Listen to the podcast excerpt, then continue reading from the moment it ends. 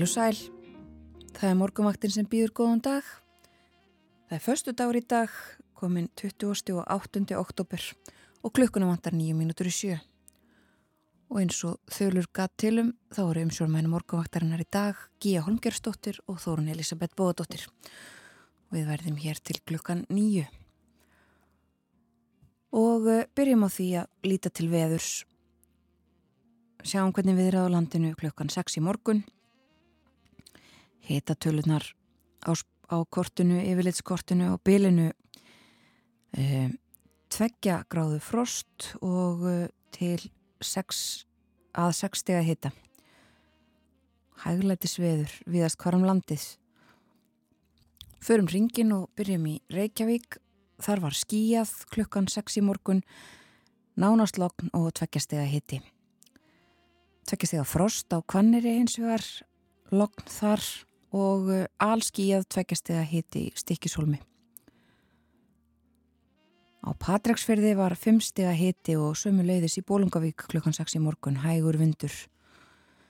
Þrjárgráður á Holmavík og tveggjastega hitti á Blönduósi. Klíast á landinu var á Söðanisvita klukkan 6 í morgun, 60 hitti og 7 metrar á sekundu. Líka kvassast sem sagt þar á yfirleitt skortinu, bæði klíast og kvassast. Hittinu frostmark á Akureyri, létt skíjað og 1 metri á sekundu, einstiks hitti á Húsavík og Rauvarhöfn, hægur vindur. Hittin við frostmarka á skjaldringstöðum og tveggjastega frost á eigilstöðum þar var heiðskýrt. Tveggjastega hitti á hafni Hortnafyrði, þryggjastega hitti á Kvískerjum og eitt stig á Kirkjubæjaklaustri, lokn þar. Fjórastega hitti á Stórhafða í Vestmanni um 6 metrar á sekundu þar og einstigs hitti og lokn í Árnesi. Hittatölunar á Hálendinu mínus 1 og 2 stig. Þannig var veðrið klukkan 6 og þá að horfunum gíja. Já, veðurhorfurnar eru svo hljóðandi. Það er vestlæg átt 3-8 metrar á sekundu og súldið er dálítil rigning en bjart veðri um landið austanvert. Á morgun er sunnan 5-10 metrar á sekundu og lítilsáttar væta en þurft og bjart á norður og austurlandi. Hiti 2-7 stig en kringum frostmark norð-austanlands. Já, og ef við lítum aðeins inn á laugardaginn, það er nú á morgun, en lítum nú á sunnudaginn. Austlæga átt á sunnudaginn, 3-8 metrar á sekundu, skíjað og sumstaðar dáli til væta. Austan 10-15 og talsverð rigning á söð-austanverðulandinu síðdeis, hiti 2-7 stig. Já, það er sveipa við svona í kortónum inn í helgina. Já. En ef við lítum hér á vef vegagerðarinnar þá sjáum við að það er hálkublettir víða um land. Það eru hálkublettir á Mósfellsheiði, Lingdalsheiði, Ölfusi og Skeiðarvegi. Það eru hálkublettir á Holtaverðiheiði, Bröttubrökk og í Svínadal. Stengrisjarðarheiði, Þöraskuldar og Bjarnafjarðarháls, þar eru hálkublettir. Ná á Norðurlandi er hálka á Öksnaldalsheiði og á Þverarfjalli. Það eru hálkublettir í Húnavarsíslu. Það er hálka á Mývasörafum, í Möðrudalsörafum og á þó nokkrum leiðum inn til landsins. En hálku blettir á Hófaskarði og Hálsum og nokkrum öðrum leiðum með ströndinni. Ófærtir yfir helliseiði Istri. Östurland þar er viða hálka, hálka fjardarheiði kringum lagarfljót, Öksi og Breiðdalsheiði og það eru hálku blettir líka á Suðurlandinu, skeiðar á sandi við Kirkjubæjaklustru í Eldtröyni. Árstímin farin að segja til sín það er auðvitað komin 28. oktober Já. oktober líkur á mánudag þá er rekjavaka og við ætlum að tala eins um rekjavöku og morgunvaktan í dag reyðum um hana í lók þáttar um, ferðamálin er á dagskráni eins og yðurlega á förstu dugum Kristján Sigur Jónsson segir okkur frá því helsta þar og svo er það samvinnufjölög samvinnufjölög í fortíð og framtíð sem að verða til umfyllunar á morgunvaktin í dag. Við förum nánar yfir dagskráð þáttarins að loknum morgunfréttum en skulum hlusta á smá tónlist. heyrum Katrínu Haldóru Sigurðardóttur syngja Blóm á þakkinu.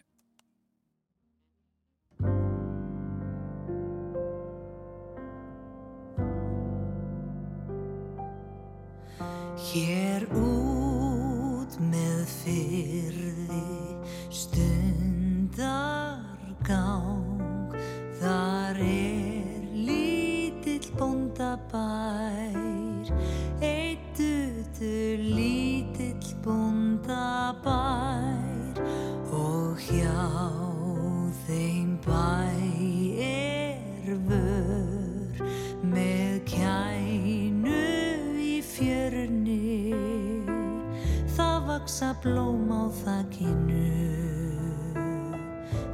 Það vaksa blóm á þakkinu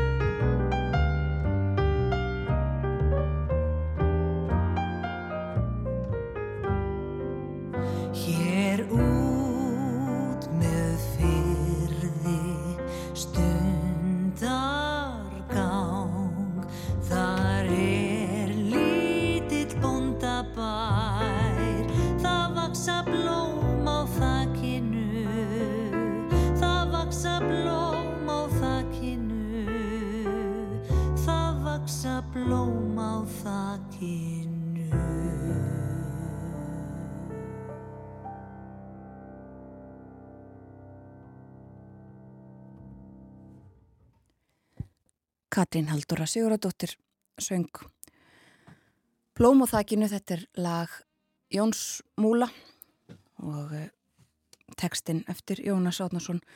Þetta er plata sem hún gaf út fyrir ári síðan. Katrín Haldóra syngur lög Jóns Múla, heitir hún. Það líður að morgunfrettum og svo snúum við aftur hér á morgunvaktina.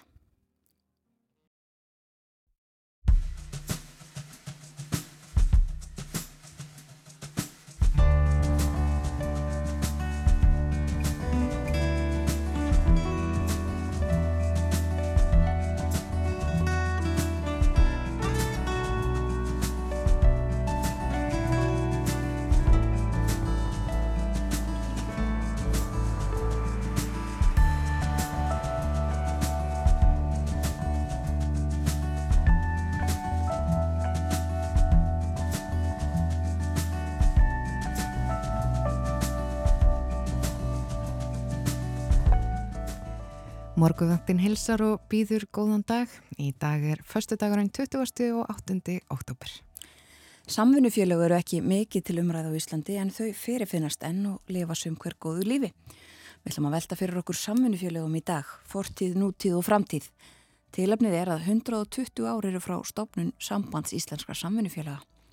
Hannes Karlsson, stjórnarformaður sambandsins, ekki með stóru essi, og Kári Jóhansen, lektor og forstuðumæður rannsóknarmiðstöður Háskólans á Bifröst verða með okkur upp úr klukkan halv åtta. Og Kristján Sigurjónsson, reittstjóri túrista, segir okkur frá því helsta í ferðamálum eftir morgunfréttinnar klukkan átta. Út er komin ný spáum ferðamannafjölda og næsta ári og árum og skemst er frá því að segja að búist er við metfjölda til landsins á næsta ári.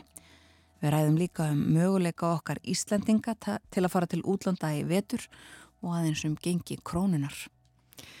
Og nú líður að lokum oktober og þá hefur viða myndast svo hefð að eh, það fara óhugnulega verur á stjá eins og vampýrur, nortnir eða uppvakningar og ófrínilegir graskershausar og aðrar draugalega skreitingar príða heimili fólks. Já, það er rekjavaka framundan sem yðurlega er haldinn 31. oktober sem er akkurat núna á mánudaginn. Við veltum fyrir okkur rekjavökunni í þættinum og fáum til okkar sakfræðingin Helgu Morín Gilvadóttur og þjóðfræðingin Björg Bjarnadóttur en þær starfa báðar á árbæjasafni en safni mun á sunnudaginn taka örlítið forskot á sæluna og fagna rekjavökunni með gestum sínum. Umsjónamenn morgumvaktarinnar eru Gíja Holmgeristóttir og Þórun Elisabeth Bóadóttir.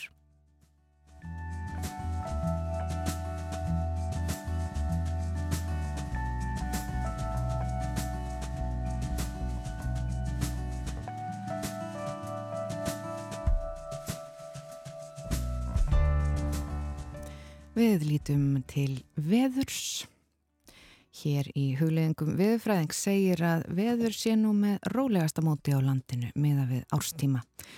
Vestlæg átt 3-8 metrar á sekundu í dag, súldið að dálitil rigning framan af degi á vesturhelmingi landsins en lítilega engin úrkoma setnipartin.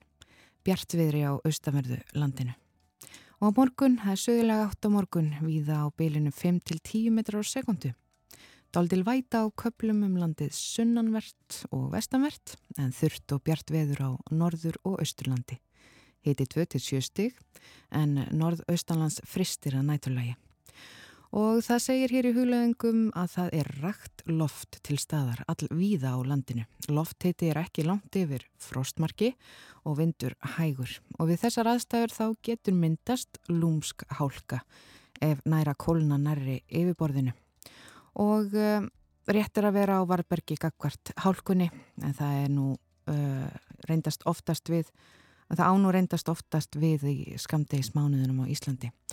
Og það kemur fram hér einmitt á uh, vef vegagerðarinnar að það eru hálka og hálkublettir já, víða um landið á flestum vegum. Það er hálka Á Mósfellsheiði, Lingdalsheiði, Ölfusi og Skeiðavegi, það er hálka á Fróðarheiði, hálkublettir á Holtaverðuheiði, Bröttubrekku og Svínadal. Á vestfjörðum eru hálkublettir á Stengrisfjörðarheiði, Þröskuldum og Bjarnafjörðarhálsi. Á Norrlandi er Öksnadalsheiðin og Þverafjallið og Húnavarsíslutnar. Það er hálka og hálkublettir. Það er hálka á flestum leiðum frá Ljósavatni og austur yfir Möðrudals Örafi og einni hálka í Köldukinn og að Dettifósvegi, hálkublettir á Hófaskarði og Hálsum hálka á fjardarheiði og hálku blettir nokkuð víða í kringum lagafljótið á Öksi og Breitalsheiði. Og hálku blettir á skeiðar og sandi á Suðunlandi við Kirkjubæjaklaustur og í Eldtrönni. Já, það er gott að hafa það í huga áður en farið er út í daginn. Við skulum líti blöðin hér á Forsíðu fréttabalaðsins. Þar er eh, mynd af Hallgrímskirkju en í gerkvöldi var Hallgrímskirkja böðuð í bleiku ljósi þegar ný lýsing var frumsynd við formlega aðtöfn. Það hefur nefnilega verið skipt um alla lýsingu kirkjunar innan dýra sem utan. Og hér á myndinni þá er hún eins og segir böðuð bleiku ljósi og svo fólki þarna fyrir framann kirkjuna er eins og skugga verur, þetta er tegnarleg mynd falleg svona skamdegismynd. En hér á fórsíðu fréttablansins segir að fjöldi með ADHD sé afar vannmetin og stendur að fjöldi landsmanna fær kvorki greiningu nýjum meðferð vegna ADHD en samfélagslegur kostnaður af þess völdum er sæður óheirilegur hér á landi. Og þetta kom fram á málþingi ADHD samtakan á Grand Hotel uh, í Reykjavík í gær þar sem fjalla var um samfélagslegan kostnað af völdum ómeðhundlaðs ADHD og það var hann Haraldur Erlingsson geðalekni sem var frumalanda einn af þeim uh, á fundinum og sagði þar að vannmat á algengi ATHT hér á landi mætti að, meðal annars reykja til þess að ekki séum eina röskunaræða heldur blöndu engjena hjá fólki sem glýma við vandan. Já, þetta kemur fram hér á fréttablaðinu fórsjöfu fréttablaðsins. En ef við lítum örlítið inn í blaðið þá kemur hér fram það er áhyggjur vegna skorts á læknum á landsbyðinni. Hér stendur að við á landsbyðinni veldur læknaskortur áhyggjum hjá íbjöfum. Samband austfiskra kvenna skorar á heilbriðiseyfjöld að tryggja læknistjónustu og formaða Læknafélags Íslands vil meiri fjárhagslega kvata fyrir lækna til að starfa í dreiflunni. Og það stendur hér Við þurfum að menta fleiri lækna á hjúgrunarfræðinga til að koma í veg fyrir skort á þessum stjettum innan helbreyðskerfsin, segir Helga Magníða Steinsson, formaður SAK, sambands ausfiskra kvenna. Og til að tryggja órafna læknistjónustu þar fyrst og fremst skurð og svæfingulækna, sérstaklega þar sem fæðingaþjónustu er fyrir hendi, eins og Östurlandi, segir hún. En það hefur einmitt verið uh, fjallað eitthvað um að, að konur hafa þurft að... Já, fæða annar staðar en á Austurlandi vegna skorts á það hefur ekki verið eh, hægt að manna skurstofinnar, svæfingaleknar hafa ekki verið fáanleir og steinun sem er formaði Leknafélags Íslands segir erfitt að fá lekna eh, sem hafa enga tengingar til staða og landsbygðin til að flytja þangað. Hún segir við Leknafélaginu fórum ringin í kringum landi í vor og komumst að því að rauði þráðurinn fyrir yngri lækna sem eru að sækja í störfa landsbyðinni er að þau eru oft með einhverja tengingu við staðin þar sem þau kjósa að vinna. Þau eru oftar en ekki alin upp þar, eru hluta samfélaginu og vilja flytja aftur heim. Og hún segir við erum að uh, benda á þessi atriði að það þurfi fjáráslega kvata og kvata til þess að setjast að utan höfuborgarsvæðisins. Það vanti úttekt á mönnunum hliðinni líka. Já, það er spurning hvað gerist í þessum málum vant að lækna við á landsbyðinni. En færum okkur yfir í uh, morgumblæðið. Hér á forsýðu morgumblæðsins príðir mynd af, já, það eru slökkustörf í gangi hér á forsýðunni. Allt tiltaks slökkulið Akranes og kvalferasveitar.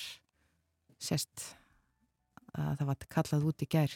Íbú á Akranesi fekk fyrirspurt frá kunningja í Reykjavík í gær um hvað var að brenna, stendur hér. Svo Víða sást kolsvartur mökkurinn frá gömlu öskuhaugunum sem margir skagum að kalla en þó þar sé nú rekin allt önnu starfsemi. Við frágang bílræja kom upp eldur sem áður en við var litið hafði lessi um í hundra hræ og þurfti nokkur á klukkustundu orra hríð alls tiltags slökkulegs agranis og kvalferðarsveitar til að knýja logana til kyrðar sem að lokum hafðist. Einnig kom tankbíl slökkulis borgarbyggðar á vettfang, öðru liði til fulltingis og hér á þessari forsiðu mynd þar er uh, slökkulismenn einnur að drekka appilsín og horfa þarna á logana og það er búið að slökka það á mestu. En við skulum líta í Erlendu blöðin. Já, förum aðeins út í heim og uh, við byrjum á þessu. Það er ofinjulega hlýtt viða í Európu. Hlutar Fraklands og Spánar hafa uh, mælt hitan í 20 til 21 gráðu.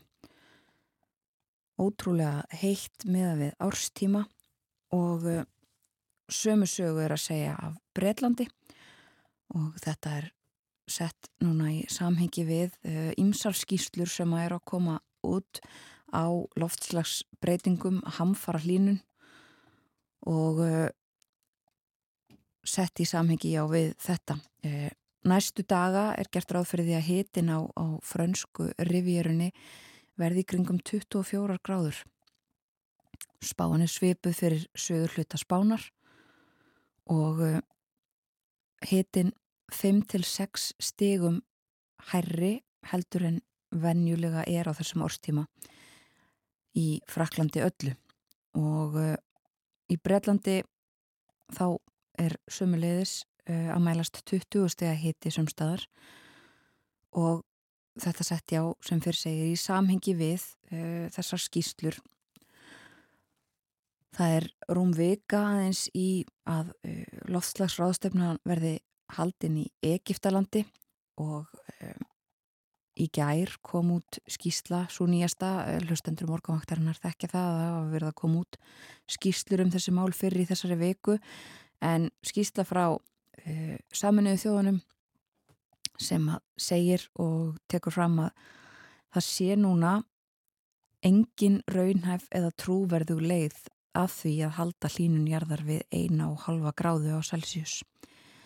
En vísendamenn hafa sagt að meiri hlínun en það, öll hlínun umfram það hversu lítil sem hún er, uh, muni hafa skelvilegar afleðingar fyrir heimsbyðina alla.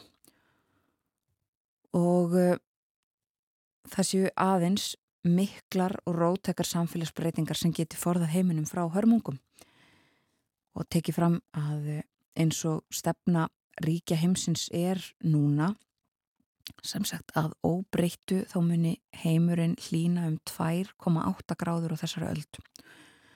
En að með fjárhagsstuðningi og uh, þeim áformum sem að, og svona plönum sem að sett hafa verið fram þá sé hægt að takmarka neður í eða lækka neður í 2,4 gráður. Og haft eftir uh, aðstu yfirmönnum loftslagsmála hjá saminuðu þóðunum að við fengum okkar tækifæri til að gera breytingar en sá tími er liðin. Nú þurfum við að uh, lifa með loftslagsbreytingum og reyna að takmarka þær. Rætt líka uh, í fjölmjölum við uh, Antonio Guterres, framgóðastjóra saminuðu þóðuna, sem að viðkynni það að þjóður heimsins eða ríki heimsins hafi verið með hugan annar staðar en nú þurfum við að setja áherslu allra aftur á uh, lofslagsbreytingar og uh, þetta sem sagt verður allt til umræðu á þessari lofslagsráðstefnu í Egiptalandi COP27 munum þá að það var haldinn ráðstefna í Glasgow sem að bundnar voru vonir við síðast en ekki margt sem að þótti koma út úr henni en sem sagt uh, næsti fundur í þessum málum saminuð þjóðuna í Egiptalandi el Sheikh hefst 7. november og stendur til 18. november og það er á að ræða þessi mál en uh, svo er það stjórnmólinn í Breitlandi við erum á Bresku fórsíðunum og þar koma nýjar kannanir alltaf verða að kanna hlutina í Breitlandi og uh, ný könnun bendir til þess að uh, það sé von fyrir íhaldsflokkin í kostningum. Uh, Rissi Súnak þykir standa vel að við í uh, efnahagsmálum og skattamálum og hann uh, stendur betur að því gagvart kýrstarmerlið tóa verkamannaflokksins heldur en uh, forverðar hans hafa gert og aðeins meira við heyrðum í frettunum áðan af uh, Elon Musk auðkífingnum sem að uh, búin er að staðfesta kaup á samfélagsmiðla reysanum Twitter. Hann fór að hófst strax handa við það að reka fólk. Frá þessu er sagt í ýmsum erlendum fjölmjölum og svo er það Rúslandsforsiti Vladimir Putin ávarpaði fólk í gær hjælta ræðu sagði Rúsland berjast fyrir tilvist sinni gagvart vestrænum öllum sem hafa einsett sér að eigða Rúslandi fórum viðan völl og uh, sagði svo að komandi áratugur yrði sá hættulegasti fyrir heimsbyðina og uh, svo Gíja ætlum við aðeins til Brasilíu, þar verður þetta kosið á sunnudag. Já, það eru kostninga framöndan í Brasilíu, þessu stóra og fjölbreytta landi. Og aðeins um Brasilíu, þetta er fymta stærsta ríki jarðara flatamáli og það stærsta í Söður Ameríku og næri yfir helming alls flatamáls heimsálfunar. Brasilia vermir sjönda sæti þegar kemur að fjölmjölustu ríkjum heims en áallega er að íbúa landsins séu rúmlega 215 miljónir. Landið er ríkt af menningu og hefðum og eitt dæmi um það er þið brasilíska capoeira, listform sem sameinar bardagýþróttir, fimmleika, trúariðkun, tónlist og dans. Capoeira, capoeira, eu vim aqui pra vadiar Capoeira, capoeira, ao som do birimbá Capoeira, capoeira Já, Capoeira sprettur úr menningarlegum söðupotti afrískra þræla, brasilískra frumbyggja í bland við portugalsk áhrif og þetta listform uh, var þarna í kringum 16. öld í byrjun. Í Capoeira er lögð áherslu á flæðandi hreyfingar. Hreyfingarnar eru oft floknar og minna helst á fimmleika. Hendur eru hafðar í jörðinni og fótum sparkað oft fimmlega upp í loftið.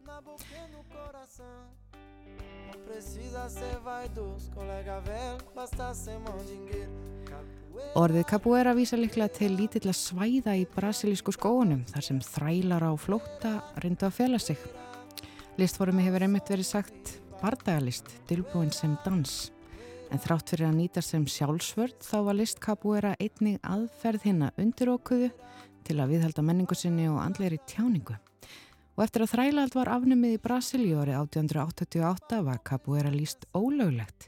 En listin, hún lifði af, þróaðist og varð loks aftur, samþygt á stjórnöldum og varð svo aðlþjóðlega viðkent og yðskuð viðsvegar um heiminn.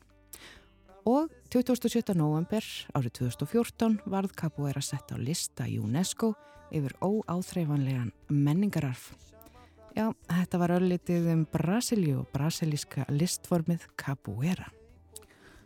Og já, tilefnið það að eh, það verið kosið á sunnudag í Brasilíu.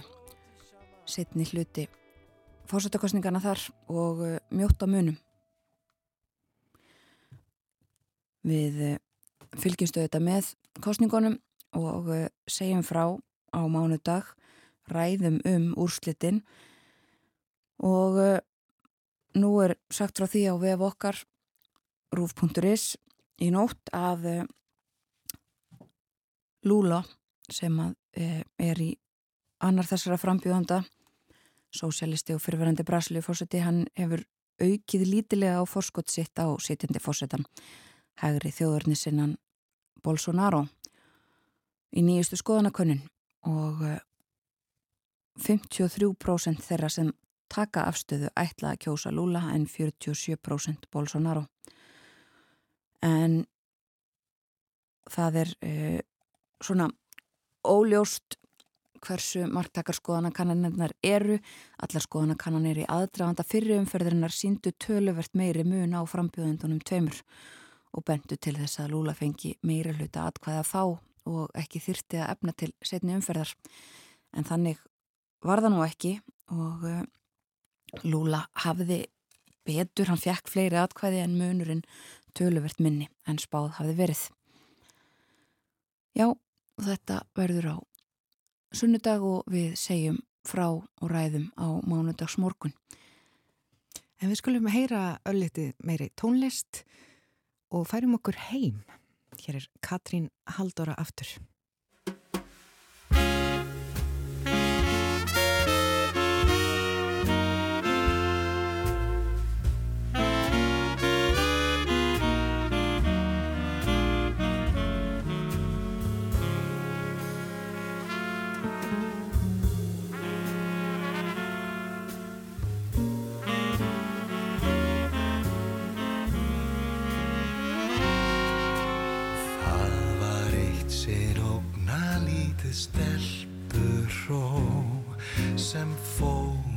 Oft með mér fram að sjó. Hún var klætt í ullarpeisu og nátt tær með freknótt nef og fléttur tvær. Saman tvö í fjörunni við undum okkur vel meðan kollan var að kafa eftir kuðungi og sker kvöldin þegar sólinn sín var. Sátum við í næði bæði undir stóra steini. Þar sem hún í leini lagði vanga sinn. Ósku feimin upp við vanga mig Þú varst eins og strákar voru þá með úvinn haus og eiru blá. Uppu með snæri bastu buksurnar og rifin alltaf rassinn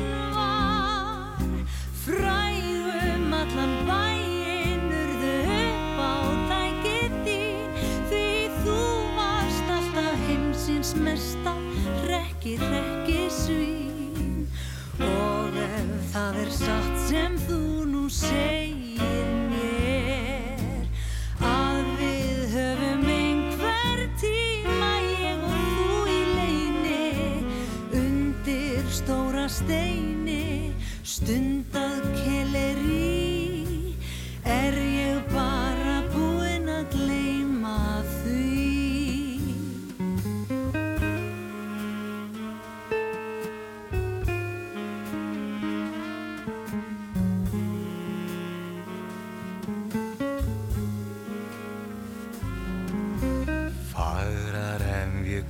konur séð í Kaíró á Mandalay í Mexiko líka þær sem kyrra hafið kafa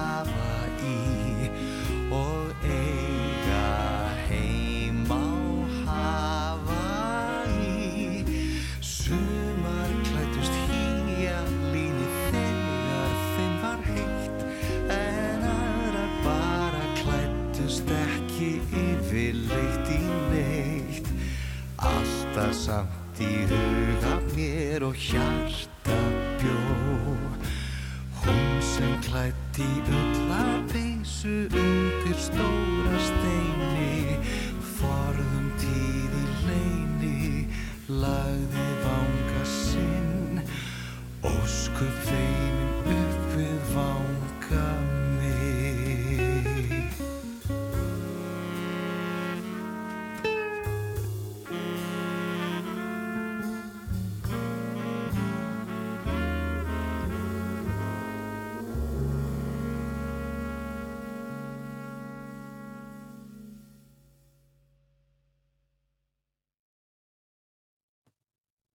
Katrín Haldóra Sigurðardóttir og Páll Óskar Hjálmtilsson hér saman í læginu undir Stóra steini af plötunni þar sem Katrín syngur lög Jóns Múla.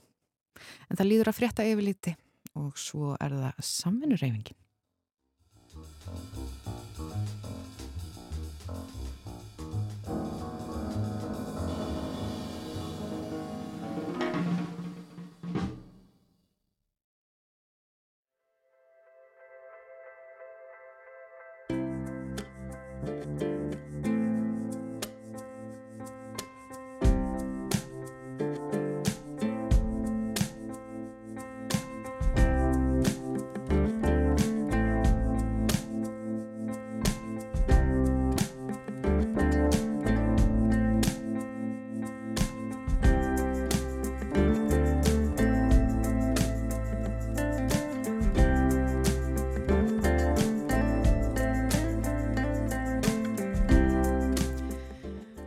Áframheldur morgunvaktinn. Við sitjum hér saman Þórun Elisabeth Bóðadóttir og Gíja Holmgistóttir. Og í þættinum í dag þá ætlum við að velta fyrir okkur rekjavökunni. Af hverju þessar fórinjur fara á stjá í lok oktober.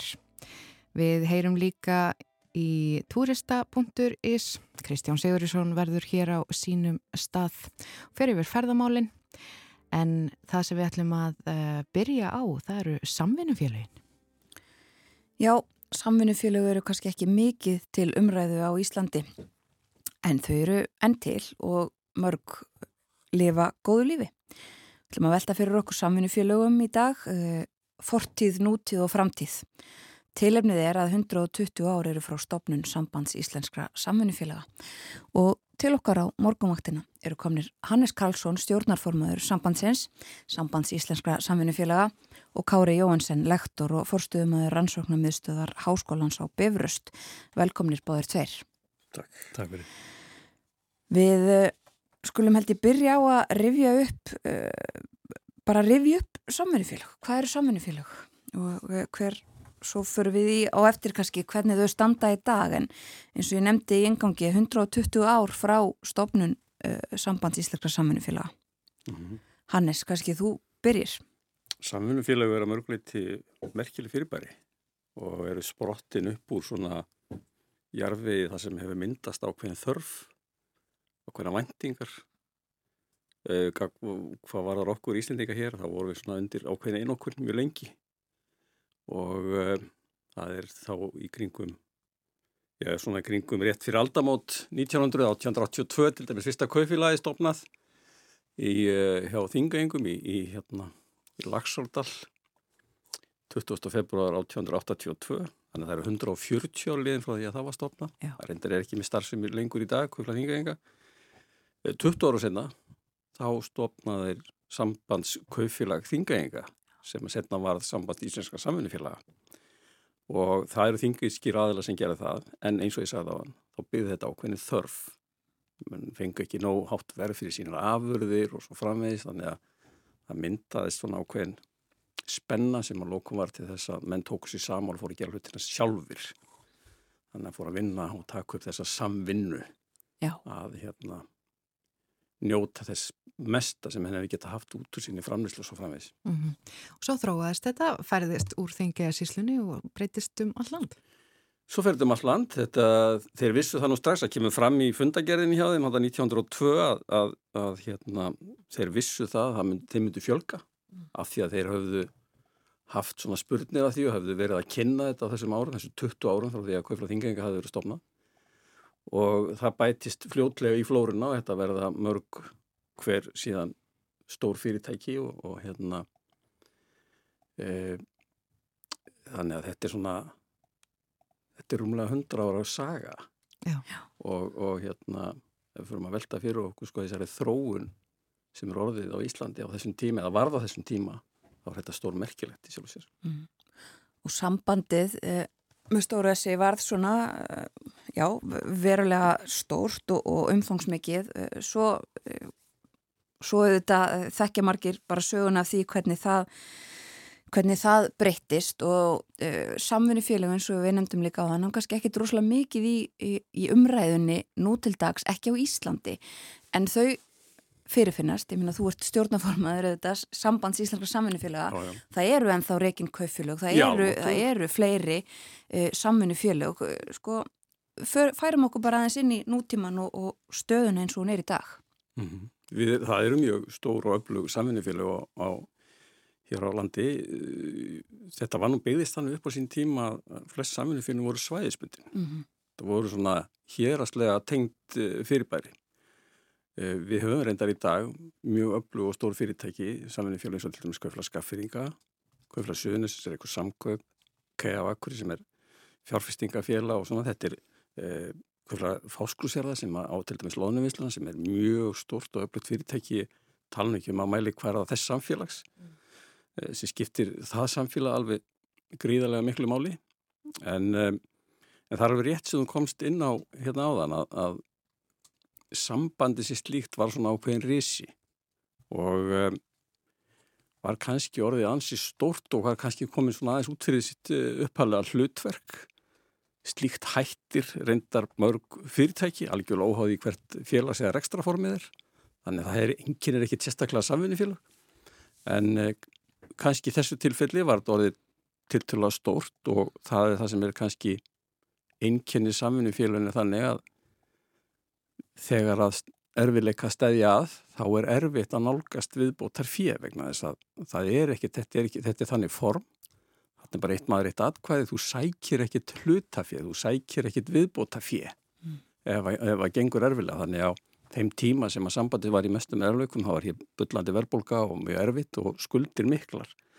Þannig að svona endanum var það til þess að, að þetta verkefni eða þetta starf því miður en náði ekki fram að ganga en, en glemum því ekki að fyrirtækja er ennþá lífi og var aldrei gjaldrótt þannig að, þannig að, að það er komið svona ákveðin grunnu þess að hugsaðlega að fara að byggja upp til á, á einhvers, einhvers, einhverja framtíðar -hmm. Já, og talandu um framtíðina það færður þetta uh, málþing í háskólanum á Bifröst Kári þú ert þar að Já. tala Já.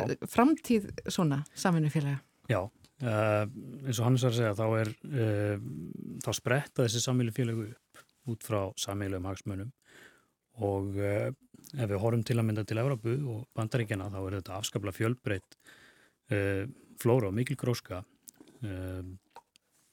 og hérna og við ætlum að heitast á Bifröst og halda þessa rástefnu þar sem við fjöllum aðeins um hlutina, skoðum sviðið.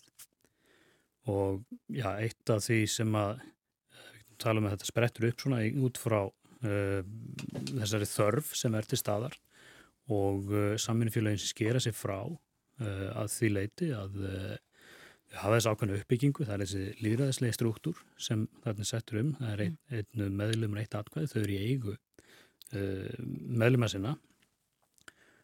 Og er áskaplega fjölbreytt eins og segi bankastærsmjón á annars líkt er mjög algeng.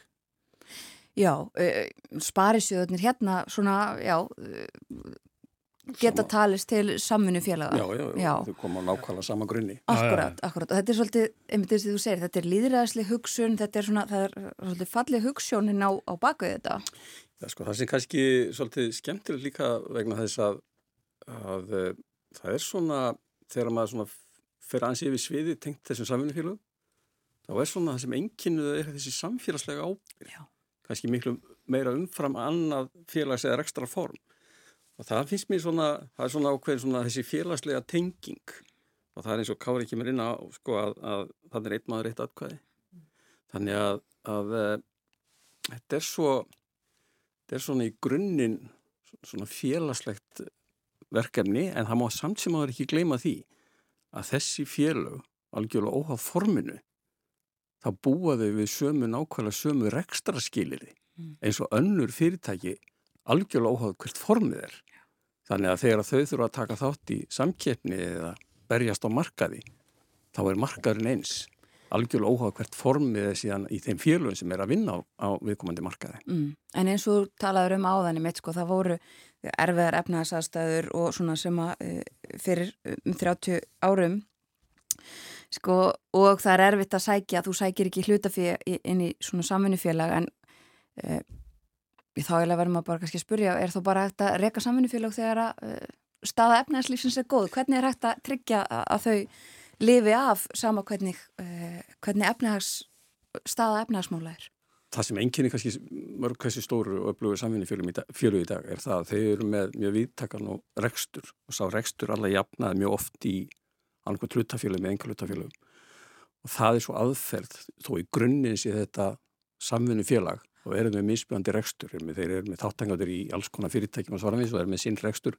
Mörguleitið, við sjáum til dæmis eins og Köfla Suðunis er með samköpið samköp er HF þannig að þanga er húsilega að sækja fjöð, það að fara með þessi fyrirtækin á marka og svo framvis við sjáum náttúrulega eins og bara fyrirtæki eins og Airbnb það er reynd samfunni félag KPMG, það er hreint samvinnufélag. Þetta er stóra fyrirtæki bandarækjum, John Lewis, þetta er samvinnufélag, en þau eru með sínar, eh, sem sagt, eru með sín, hvað segir maður, sínar einingar sem það er svona fransæs, eða mm. svona enka, en þau eru með það í, í annars konar formi, einmitt til þess að geta mætt þessu, að geta tekist á við slikar uppákomur eins og urðu þegar að hérna, þringir að.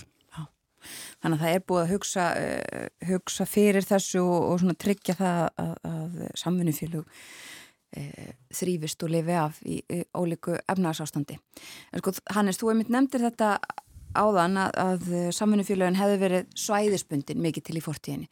Svo nefnir akkurat þessi dæmi eins og Airbnb uh, sem sannlega er ekki svæðisbundið apparat. Kári, þú allar líka og hefur skoðað svolítið þau mál sko samfunnufélög í dag og til framtíðar þau geta verið einmitt um allan heim, þau þurfu ekki að vera í hérna, þingaða síslum engöngu eða, eða e, eitthvað svoleiðist þau geta verið, uh, já, millir fólks um allan heim. Já, einmitt eh, Deilihagkerfinu hafa fyllt ákveðin svona lofur eða vendingar um betri nýtingu fjármuna og, og Airbnb er gott dæmi þar sem að við höfum þessar íbúðir, þessar gestistadi út um allar trissur og e, það verður til þetta félag sem að miðra því að einhvern veginn nýta þær eignir betur. En uh, svo uh, gerist það stundum þegar blandast saman þetta deilig hagkerfi og síðan uh, hagsmunir mögulega fjárfesta þá, þá breytist oft leikurinn aðeins. Við erum búin að vera að tala hérna um hvernig félagin sprett upp frá úr grassrótinni og þessa samfélagslegu ábyrg sem er til staðar að stundum breytist, breytist reglutun aðeins og leikurinn aðeins og Uh, sumir hafa orðið fyrir vonbryðu með það hvernig uh, hvaða áhrif uh, þessir vettvangar eða netvangar hafa.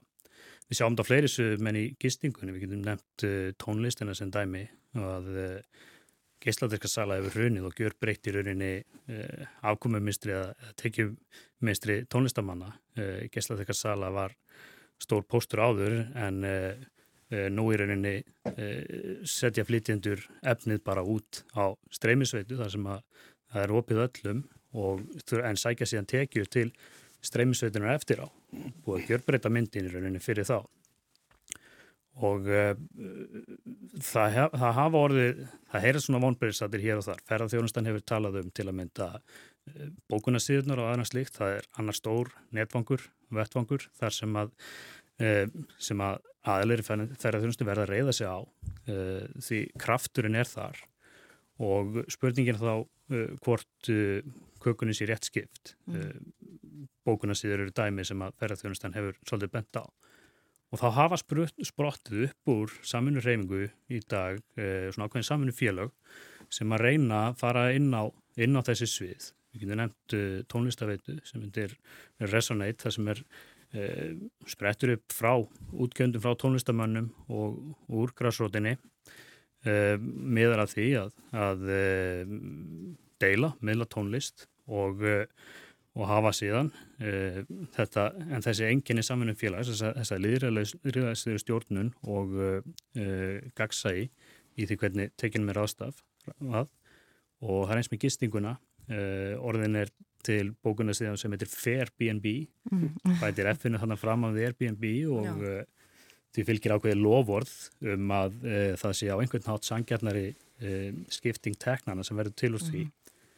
því þarna er fólk að svona business yfir hvað lítið verður eftir að tekjum til að mynda á staðnum ef ég, ef ég fer og næ í gistingu á einhverjum litlum stað fyrir Norðan á Íslandi eða Fraklanda, Spáni eða hvað sem það er en þá sé ég samt að tekjustreymið er síðan í gegnum eitthvað uh, félag úr kísildalum í bandaríkjanum. Mm -hmm.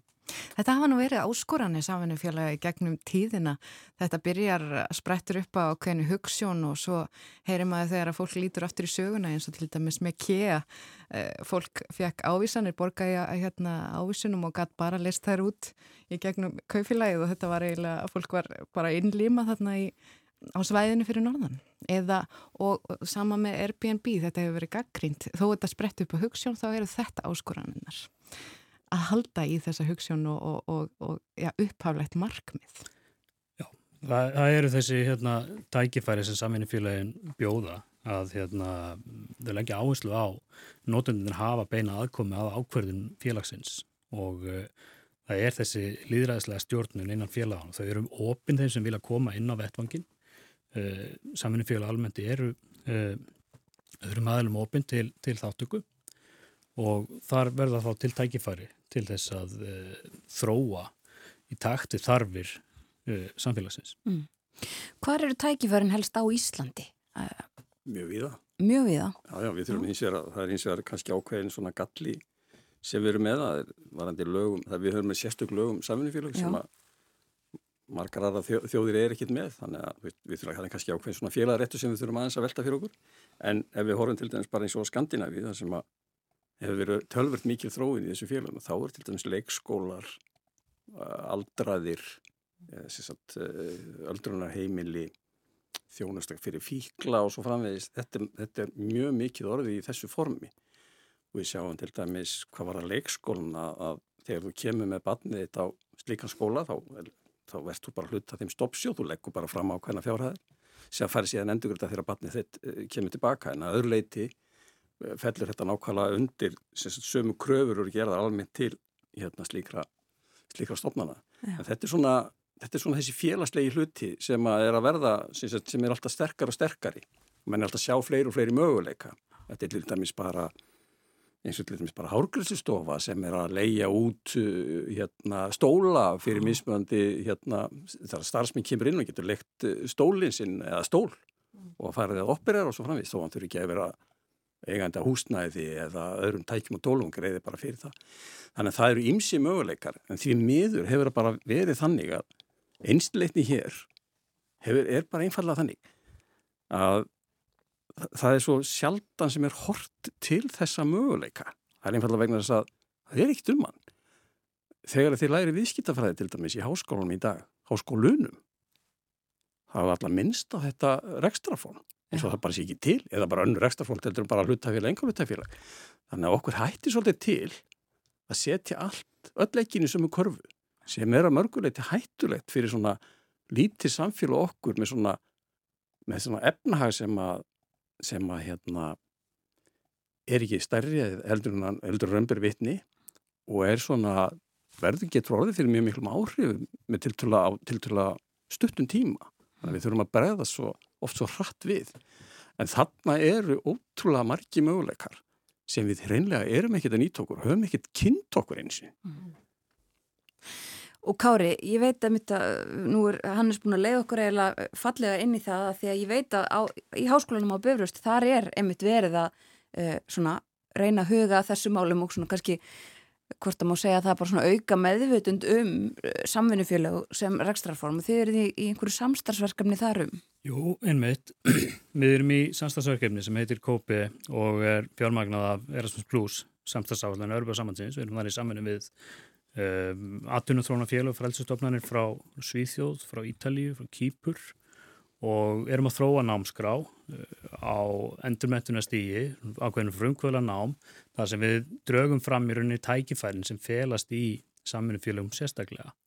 Við erum að búa þar til námskrá í, í fjórum hlutum og uh, uh, Eh, nær til svona þeirra sem að er að vinna að uppbyggingu samfélaga, aðtunni þróun og eh, félagshagkerfunu sérstaklega og uh, þar er að spretta upp þessi, þessi námslýna sem vonandi uh, kom til að fara að stað að einhverju leiti í sumar mm.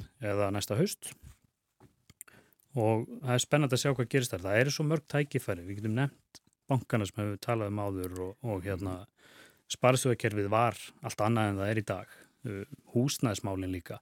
Húsnæðissamfunni félagur afskaplega sterk, til dæmis í Svítjóða sem við, við verum að vinna með svíjum í þessu og þau eru til mörg hér á Íslandi sterk og, og stöndu húsnæðissamfunni félag mm -hmm. og þau eru bara dæmum flóru, dæmum aðra leiðir í uh, þessum rekstri innvið okkar, okkar samfélaga. Já og svíjar einmitt og þegar við báðum nefnt svona hinn Norðurlöndin, er, er þetta sterkast þar? Já, sko að því að hvað er komin að þessi húsnæðisafnum fyrir þá er þau mjög sterk, mjög víða Já. Þískalandi, Tyrklandi við sjáum bara Sviss og fleiri lönd. Um, en eins og Kári kemur inn á það, það eru þarna ótrúlega margi möguleikar. Og við verðum á einhverju tíanfundi að, að hérna fara að velta því fyrir okkur hvort að það sé ekki eitthvað sem við þurfum að fara að horfa til vegna þess að, að hérna, það er ekki einfalda þetta er ekki einfalda þannig að sko, fjármunir eigi að ráða öllum skupum hlutum við eigum að geta nálgast ákveðin verkefni bara eins og ég nefndi á þann hvað var hann til barnapössun eða málefni aldrar og svo framvegis þau getur verið í öðru formi heldur en það sem þau er í dag Já. og þannig er alveg ótrúlega möguleikar og, og, og að því að við komum inn á Skandinavíu. Ég tala ekki um máli eins og málefni fíkla sem að hefur því miður verið stort vandamál við það. En þarna hafa menn farið og stopnað þessi félög þar sem að menn er að sinna þessum einstaklingum í gegnust líka rekstur sem er þessu samvinnu formið og þetta er, þetta er alveg svo ég byrjaði hér upp að vegna þetta byggir á þörf. Þetta verður til vegna þess að það er þörf og það þarf þáttöku. Þetta er svona þá, þarf þörf og þáttöku element sem ráða þessu og það er ótrúlega margir möguleikar er snúa þessu formi tengt einmitt þessum þörfum. Mm -hmm. Við sáum það til dæmis í, í kjölfarað á kreppunni. Hefðum við ekki átt að hugsa þetta aðeins betur þar? Hefðum við ekki átt að fara svona aðeins og velta þessu aðeins meira fyrir okkur? Vegna þess að við sjáum til dæmis að því við nefnum sparisjóðan. Mm. Ég held að sparisjóður í Íslandi séu cirka í, kringu 2% af, af hérna veltu bankana.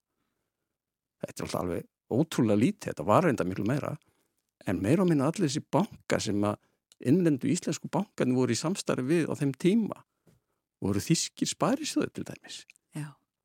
þannig að þá er það byggt upp á því formi en ekki einhverju stóru við sáum þessu stóru, það, það er nú eitt sem enginni bara komið því að, eitt sem enginni kannski samvinni fjölu umfram önnu fjölu að þau verða miklu síðu gjaldróta heldur en, heldur en og það er nú svona eitthvað sem heldur þá meira lífin í þeim, einfalda vegna þess að það er þarna ákveðin áhætta sem þeim þurfa að passa sig á. Og mann get ekki left sig hvað sem er.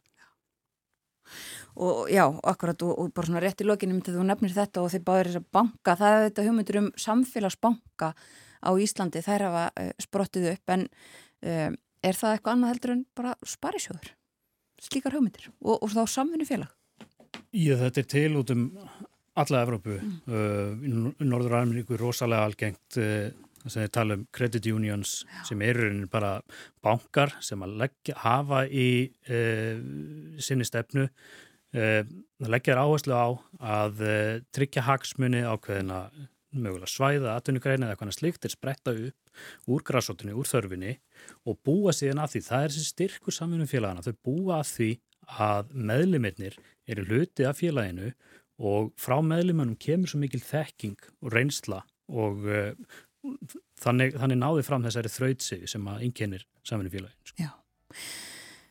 Við komumst ekki lengra. Uh, þessi mál verður rætt á málþingi á Böfuröst á morgun, uh, samfunnu starfi í nútíð og framtíð. Kærar þakki fyrir að koma til okkar Hannes Karlsson og Kári Jónsson. Takk. Takk fyrir.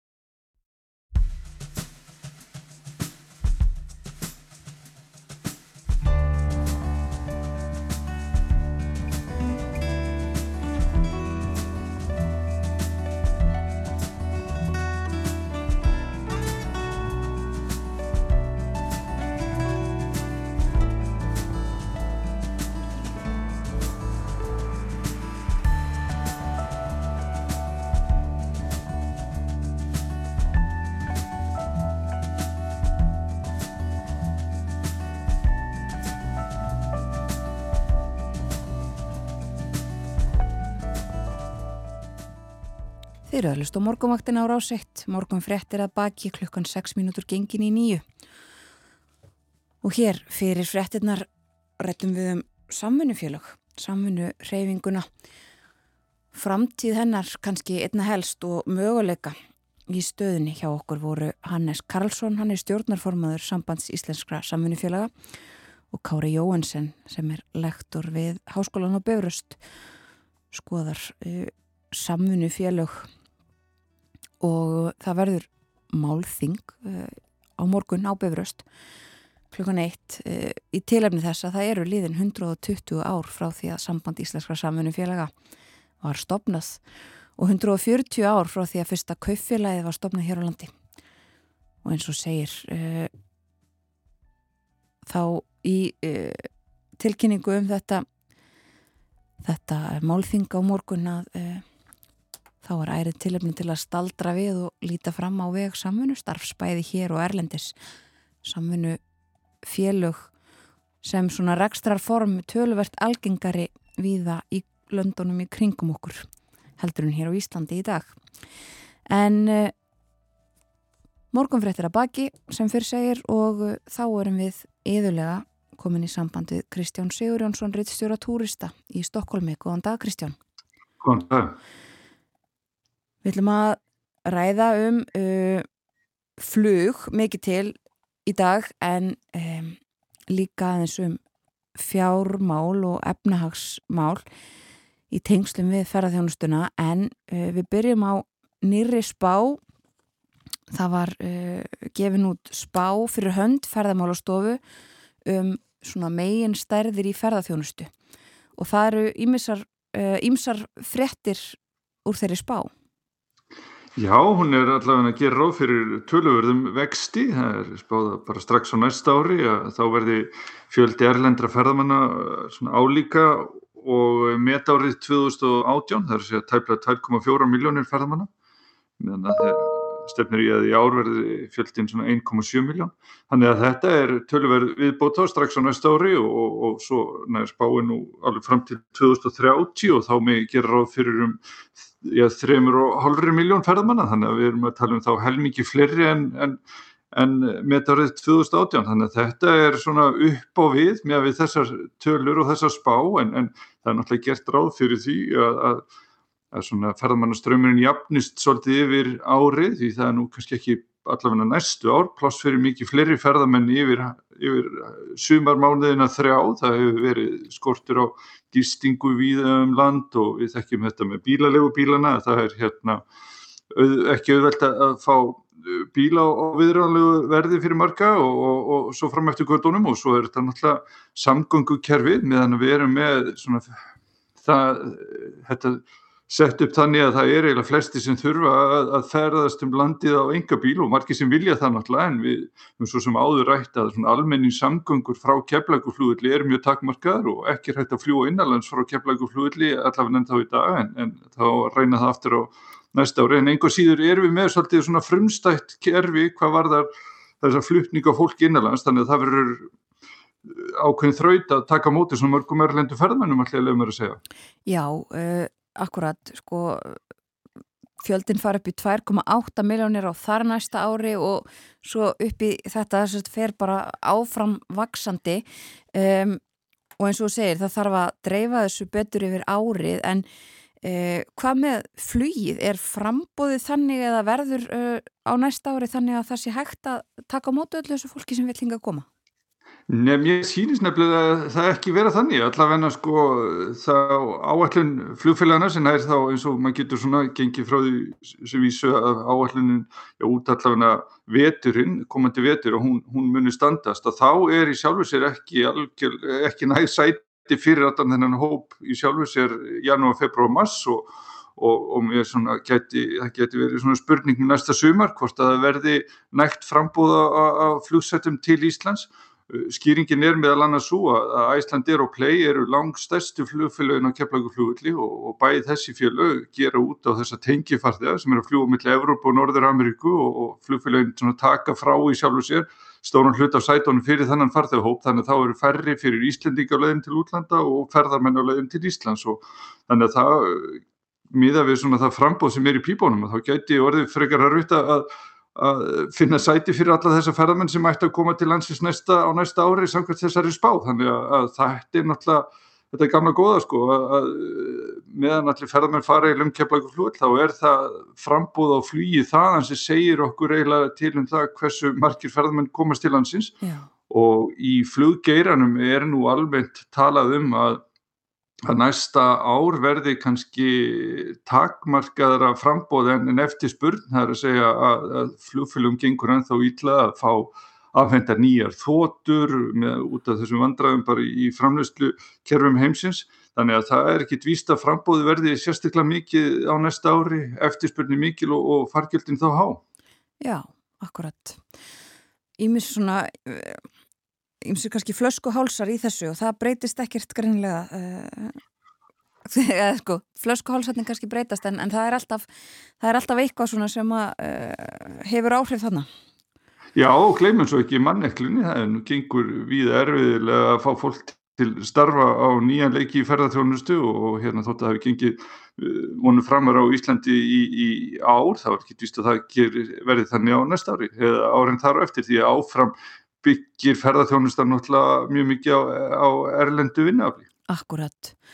Og þú nefndir líka áðan uh, það að það er ekki pláss fyrir fleiri hér yfir sömamánuðuna, uh, bara gistirými og, og uh, bílalegu bílar og fleira, en þannig að þetta verður að dreifast á, á stærri hluta ársins, sko flugið er ekki þannig að það getur tekið við öllum eins og staðan er en gistirýmin höfum við alveg eh, pláss fyrir þetta eða er ennþá uh, þarf á einhvers konar uppbyggingu þar? Já, það er ennþá þarf á mikill uppbyggingu og það er náttúrulega verið talað um að til dæmis á Akureyri að það er mikill skortur á, á svona á, á gistingu og, og, og margir sem sjá tækifæri í því að, að hérna, bæta við gistirýmið þar og hótelum og, og áformum uppbyggingu þar og svo víðanum land en það er svona likil aðtriði ef, ef ferðamennum fjölkar svona hratt að það verði þá fleiri gistikostir í, í bóði út á landi og, og þá jáfnvel auðveldra að komast ángað og hraðar því að eh, yfir vetramánuðin þá stoppar fólk oft stittra, í stittri tíma og eða ótt að eigða næstu í halvum degi að býða eftir farangri í leifstöð, komaður á Reykjavíkflug, allir innritaði í innanlandsflug og fljúa svo aftur innanlands að, þá er ekki víst að, að Íslandsferði yfir hávetrin verði svo ákjósalögu kostur. Akkurat. Þannig að það eru ímest tækifæri í uh, bæði þessu kannski innanlandsflugi frá Keflavík og svo eru þetta verið að gera ymsa tilrunir með uh, flug beint á til dæmis Akureyra flugöll. Jú, jú, það er náttúrulega þetta norrlenska næser sem náttúrulega er, hérna, er ákveðin tímamót fyrir norðan og svo næsta sumar allar eh, flugfélagi Kondor að hérna, hefja flug frá Þískalandi til Eilstaða og Akureyrar og við sögum frá því að túristæði kæra að, að, að það eru svona fleiri möguleikar eða það eru fleiri flugfélög að skoða flug til Akureyrar og meðal hans hefur ég nefnt eh, flug frá Hollandi og, og svo hiðbreska EasyJet eh, hefur einnig verið að velta fyrir sér möguleikanum á að fljúa norður. Þannig að það er greinilega þar sem að er svona, eru kannski svona, þau svona helstu sóknarfærin í, í, í nánustu framtíð. Já, og þú nefnir þetta í mitt um, alls konar uh, plön. En þá kannski erum við búin að færa okkur yfir í e, vetrar áallanirnar. Hvert er hægt að fljúa í vetur e, frá, já, kannski aftur þá til Keflavíkur, það er þetta, þessir áfangstæði sem þú nefndir annar staðar frá, en hvert, e, hvernig hljóma vetrar áallanir? Já, sko, vetraráallin fluggerans, hún hefst svona formlega núna á sunnudaginn þegar já, stór hluti Evrópu færi klukkuna aftur um eina klukkustund og, og, og, og svona samkvæmt minni talningu þá er þetta svona 60 flugvellir, það er að segja að verður hægt að fljúa til um 60 flugvellar frá keflaguflugvelli í Evrópu og Norður-Ameríku núna í vetur og í svona í flugvöllum talið er þetta svona álíka og metárið 2018 en, en núna eru ferðinar þó ekki eins margar á, á á svona helst áfokastæði en, en, en þetta eru ennþá mjög tíða ferðir til dæmis eins og til Lundun að það sín stefna í svona jöfnaði nýju ferðir á dag þaðan frá Keflaguflugulli í februar sem er náttúrulega mjög mikil umferð en það helgast aðalega því að breytar hafa náttúrulega sótt í vetraferði til Íslands og sérstaklega í februar þegar eru skólafrí og annað þar í landi en uh, svo eru margir áfangastæðir sem er bara hægt að fljúa einu sinni í viku en, en þetta er allavega mjög mikið frambóði sjálfur sér og, og, og þannig að Íslandíka sem horfður til útlanda ég komast ég geta valið úr, úr töluverði og útlendingar og letir Íslands geta fara flóið margir úr, beint úr heimabið en, en hérna og meðal svona nýjunga þá er að verður á nýhægt að fljúa sko beint í Genfar í Sviss og Madridar og Spáni yfir vetramáðina, það hefur ekki verið hægt síðustu ár, uh, svo allar play að spreita á flugi til Liverpool og, og svo eru flugfélagin svo uh, Eurowings og Austrian sem ætla að hérna að reyna fyrir sér í svona vetraflugi til Íslands. Áður fyrir að hafa þessi fjölu bara komið á vorin og farið á haustin en nú á prófa janúar, februar, mars líka. Þannig að það er áhugavert og bara þá í tengslu við það sem vorum að ræða á þann að það séu svona þekkt evrósk flugfélög sem eru að, bæta keflavíku flugvelli við vetraáallun sína, það er náttúrulega mjög mikilvægt. Já, sannlega og uh, svo eru nýjir áfangastæðir líka, skulum aðeins minnast á það og við förum í annað. Uh, í sumaráallunum, það er aðeins verið að sína á spilin hvað það var þar? Já, það er eh, play, ætlar að prófa Porto í, í, í Portugal og Aþenu í Greiklandi og það er þá í fyrsta skipti sem er beint flug til eh, Greiklands frá keflaugurflugli, það er svona reglulega í bæði skiptin, eða í báðum tilvíkum og fluga tvísusinnum í viku en þetta er allavegna þá, já þetta eru nýjungar en, en aftur á móti sé ekki betur en að hérna ungarska lágjaldaflugfélagið Visser hafi hérna, ég bara tekið úr sölu flug sitt frá Napoli til Íslands. Eh, það félag hefur haldið þeim ferðum úti svona ég er nokkuð reglulega sístu tvö árin en nú að hætta þessu því miður kannski fyrir marga því að það hefur náttúrulega eins og við höfum áður rætt verið alveg útrúlega mikil ásókreinlega í, í þetta Ítaljuflug frá Íslandi, það hefur verið miklu meira en áður og við sjáum það já, tölum ferðamálastofu að það eru mun fleiri ítalskir ferðamenn á Íslandi núna en voru á þessum meta árum fyrir heimsfaraldur og, og, og mér sýnist það allavega á samfélagsmiðlunum að það hafi ófáður Íslandingar lagt leið sína til Ítalíu síðustu mánuði. Já, akkurat, ég tek undir það með þér og einmitt ekki, ekki síst Napoli, það allt í einu allt í einu var eins og Napoli var eh, vinsarlega áfangastöður Íslandinga í útlöndum. Já, Íslandingar eru orðið svona uppáld pizzastöði í Napoli, þannig að það er, uh, segir sitt um, um hversu miklir heimsborgarar við erum. Akkurat, en það sérst verður ekki hægt að fljúa beint þangað á næstunni. Nei, ekki eins og staðinu núna. Nei.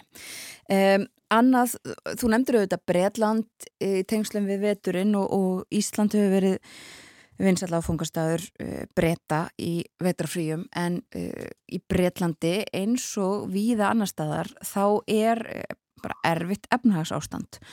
Og það hefur auðvitað sitt að segja um uh, ferðalög. Ferðavilja er... og ýmislegt bara. Já, einmitt. Það, það hérna, ráðstöðuna fyrir fólks í þessu löndum til að ferðast er, takmarkara og svo er náttúrulega dýrar fyrir Íslendinga að ferðast til þessar landa því að sko verðbólgan, hún náttúrulega uh, kraumar þarna í þessu í Evrópu, sérstaklega þar sem verðlag er að hækka um, um hefur hækkað kannski um 10% eða meira síðastlið ára og svo bætist eiginlega við að, að gengi þessara gjaldmiðla í Európu er svona eh, sterkara, eða þessir gjaldmiðlar eru svona ster, standa sterkar gagvart íslensku krónin en þeir gerði til dæmis sko haustið eh, 2019, þannig að þeir sem voru á ferðinni þá, þeir borguðu sannlega tölvert minna í, í pundumtalið og, og hérna evrum og, og og dönskum krónum en þeir sem ætla svo að ferðast eh, á næstu mánuði. Því að það eh, til dæmis eh, bara með hérna pundið að það hefur, hefur hækkað um, um næri 5% gafkvært íslensku krónunni síðustu þrjú ár. Og mest í munurinn er svo kannski fyrir þá sem ætla til bandaríkjana því að bandaríkjadólarinn er miklu sterkari núna en hann var fyrir þreymur árin síðan 15% sterkari gafkvært krónunni. Þannig að þeir sem er mitt alltaf líka til Orlando í, í vetrafríjónum þeir með gera á fyrir að borga tölvert meira en, en þeir gerðu þeir er heimsóttu uh, bandreikin fyrir já, þreymur orðin síðan og, og fjórum þannig að þetta er eitthvað sem að svona hagsínir ferðamenn taka með í reikningin þegar þeir velja sér áfókustað það er uh, þróun krónunar því hún náttúrulega sveiplast til og frá og, og, og núna er hún allavega stendur hún svona veikar en, en hún gerði fyrir þreymur orðin síðan Akkurat, já. Það er ímislega sem þarf að taka með í rekningin ef að uh, ferðast á. Við skulum segja þetta gott af spjalli í þessari viku. Kærar þakkir fyrir í dag, Kristján Sigurjónsson. Takk sem leiðis.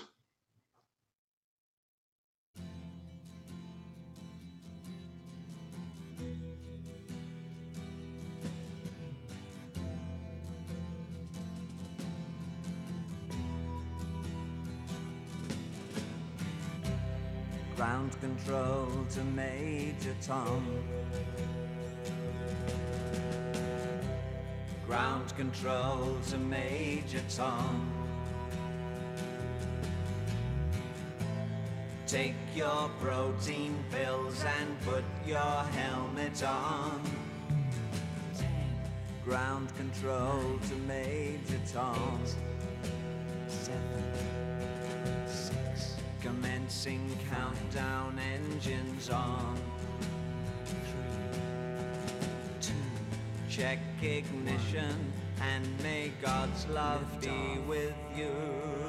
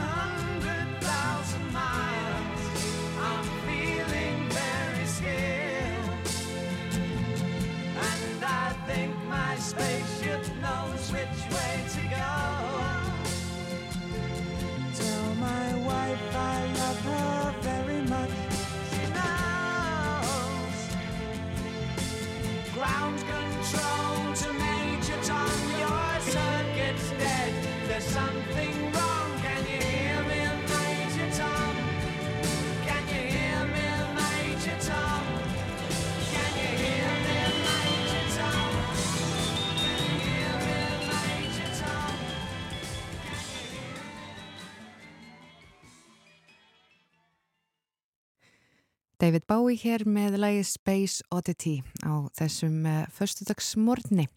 Það er spurning hvernig við förum að ferðast uh, til geimsins og að Kristján Sigur Jónsson fara að spjalla við okkur um þau málefni.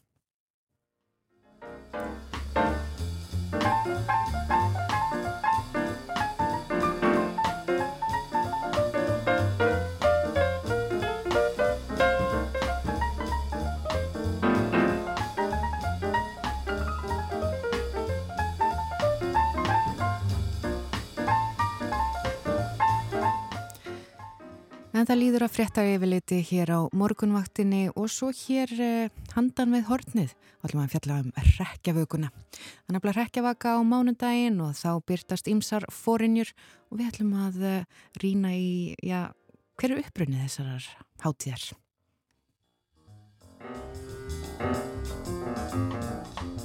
Þið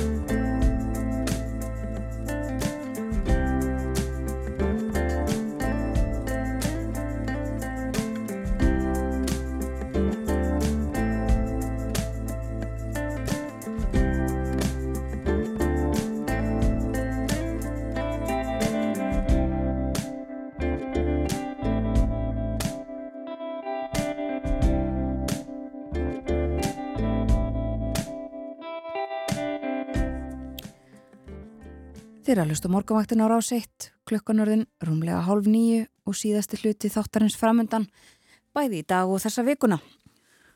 Og skulum líta aðeins til veðurs. Veður er með rólegasta móti á landinu með efa árstíma, segir í hugleðingum veðurfræðings.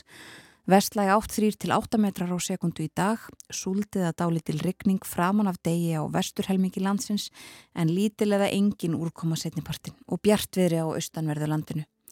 Á morgun suðlæg átt víða á bylinu 5 til 10 metrar á sekundu. Dálitil væta á köplum um landið sunnan og vestanvert en þurft og bjart á norður og austurlandi. Hiti 2 til 7 stig en norðaustanlands fristir að næturlægi.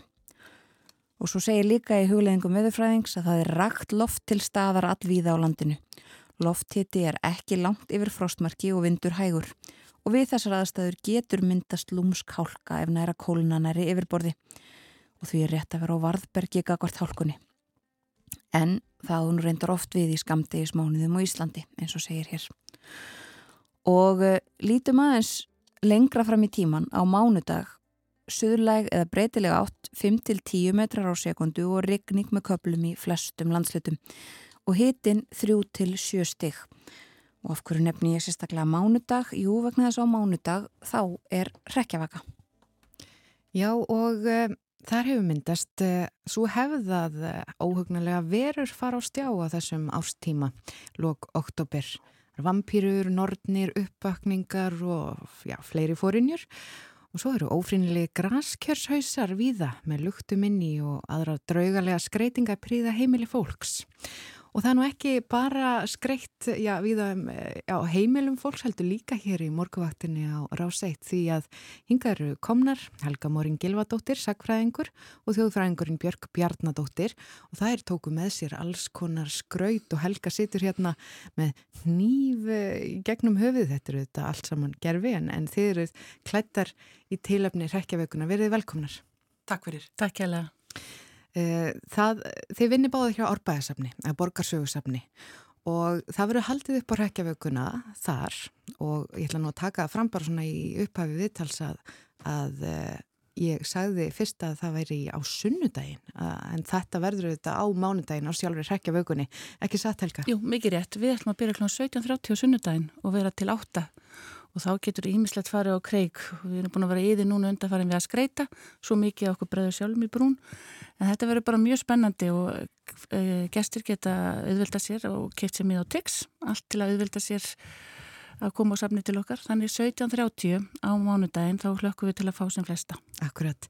Uh, Björg, þú er þjóðfræðingur og, og þú getur svo hana að sagt okkur svolítið um uppruna þessara hátíðar, rekkjavökunar.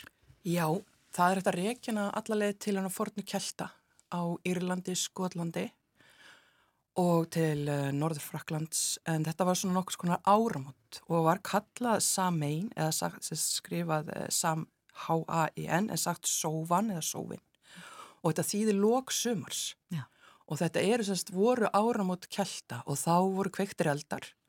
Og þá semst slögtu allir elda að heima eldana og komu að þessu helgabáli og náðu sér í eld fyrir hefð nýja ár á heimilið og þá voru einnig uh, settar fórnir á eldin sem við getum líklega tengt við þetta sagt, uh, grikkaða gott að gefa eitthvað til að fá eitthvað í staðin. Mm.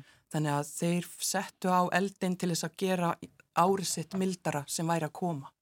Já, þannig að þessi siður eins og hérna, grikkiða gott og, og þessar luktir inn í, inn í graskerum, þetta nær af, allt aftur til þessarar fornu hátíðar? Já, þetta er mjög uh, flókin hátíð en til að gera langarsögur stutta þá voru sem sagt íratnir þeir notuðu sem sagt róur Já. til að skera út og þetta er sem sagt þetta er tengt því að hulan hún rofnar á milli heima hérna lifandi og hérna döðu og þá stökka hérna döðu verur inn í okkar heim og til þessar þær gerir okkur ekki megin þá verðum við að klæða okkur upp sem illar verur og þá getum við gengið um á millið þeirra örg en sem sagt þá var fólk að klæta sig upp og það passaði sig að ekkert myndi koma fyrir með því að setja semst ljós í luktina sínar fyrir framann húsið sitt síðan byrjaði þetta hægt og rólega að koma inn að byggja um hérna svo kallu sálarkökur mm. Og þá fór fólk og barði upp á dyrum og það fekk kannski eina köku fyrir að byggja bænir fyrir látna hérna, ættingja þeirra sem að gáu kökunar. Já, já, já. En síðan fara íratnir í landnám til bandaríkjana og þá rekast þeir á graskerinn og það er auðveldar að skera þau út og þannig byrjar þetta graskerstæmi og þá hægt og rólega breyðist hátíðin yfir í bandaríkin en til, sem sagt, núna er hún á leiðinu bara yfir heiminn, hægt og rólega. Eins og hérna til Íslands er talið hún hefur komið sem byrjað að halda upp á hana af ennskudeldinni í Háskóli Íslands og síðan hefur hún bara tekið stökk senstu tíu ári Já. og það eru búningabúðir, bakaríinn taka þátt, það eru söpnin, uh, bókasöfnin og listasöfnin og eins og árbæðasöfn. En við getum líka tengt þessa hátíð, hún er ekki bara komið frá írum við eigum okkar vetur nætur Akkurat. sem voru þess að alveg hægt að reykja til uh, Íslitingasagnana og þá voru vetur nætur, sagt vetur náttabóð og þá voru haldna visslur og oft hafinn haldin brúðkaup. Því þá var veturinn að koma og auðvelt að hittast, ekki vond veður og fólk leitar inn á við. Þetta er hátíð myrkusins. já, Við erum að bjóða veturinn og myrkrið velkomið og enginnis litar hátíðinar eru appisinu gulur svart og það er höstið og myrkrið. já. Um, þú talar um að þessi síður sé að breyða svolítið hérna út af, þessum ameríska hætti og margir agnúast svolítið út í þetta og, og segja að þetta sé amerísku síður en, en, en þetta, þetta á rætur viðsvegar og þú talar um þessa handan heima og, og í Mexiko er, er dagur hinn að dauðu þannig að þetta, Já. þetta er miklu stærra en bara þessi ameríska hátíð. Já, mun stærra sko. Það er þessi hrekkjavaka 31. oktober, svo á 1. november er allra heilagra messa og það er dagur píslarvotta og svo kemur 2. november allra sálnamessa og það er hinn opiðberlegi dagur hinn að dauðu. En stundum er hann, sem sagt, byrjar að miðnætti á hrekkjavöku, sem sagt 31. dagur hinn að dauðu. Helga, á árbæðasafni verður haldið upp á rekjavöku og já, þið eru nú þekkt fyrir að ganga í búningum. Já. Starfsfólki gengur í búningum og má þá sjá blóðugt starfsfólk þarna vappi. Já, og, það verða móru og skottur Já. og það verða með þessar vikingar tveir sem ég er búin að frétta eru búin að búa á komu sína. En svo verður ímislegt, en svo er líka svo gaman að gestinur okkar klæða sér líka upp og það er líka, við segjum það líka allir verður nú samt að koma ef þeir eru eitthvað hrættir að hafa einhvern hugrakka með sér til að leiða sig ef skil kynni að eitthvað bregði. En sem sagt, já, við klæðum öll upp og við málum okkur og svona og svona reynum að bregða gestum. Stundum hefur aðeins farið og langt eitt gestu kastað upp bara á svo mikið fast að smá fyndi þá til þurft að fara að þrýfa það upp. En þannig að það getur ímislegt gest en við erum við öllu búin en almennt er einu við svona að gera svona, svona smá skemmtild úr þessu. Já. en við erum auðvitað bara eins og söfn í landinu uh, opin fyrir nýjum hugmyndum og nýjum og gömlum eins og rekkjavökunni og við rauninu fylgjum fordami byggðasafns og görðum á Akranesi sem að byrju svona við, við tveim árum undan okkur. Við erum í fjórðaskiptu árbæðsafni en síðan eins og Björg segið þá eru bókasafni mikið með alls konar smiðjur uh, listasafn Áskrís Jónsson allar taka þátt núna á mánudeginum.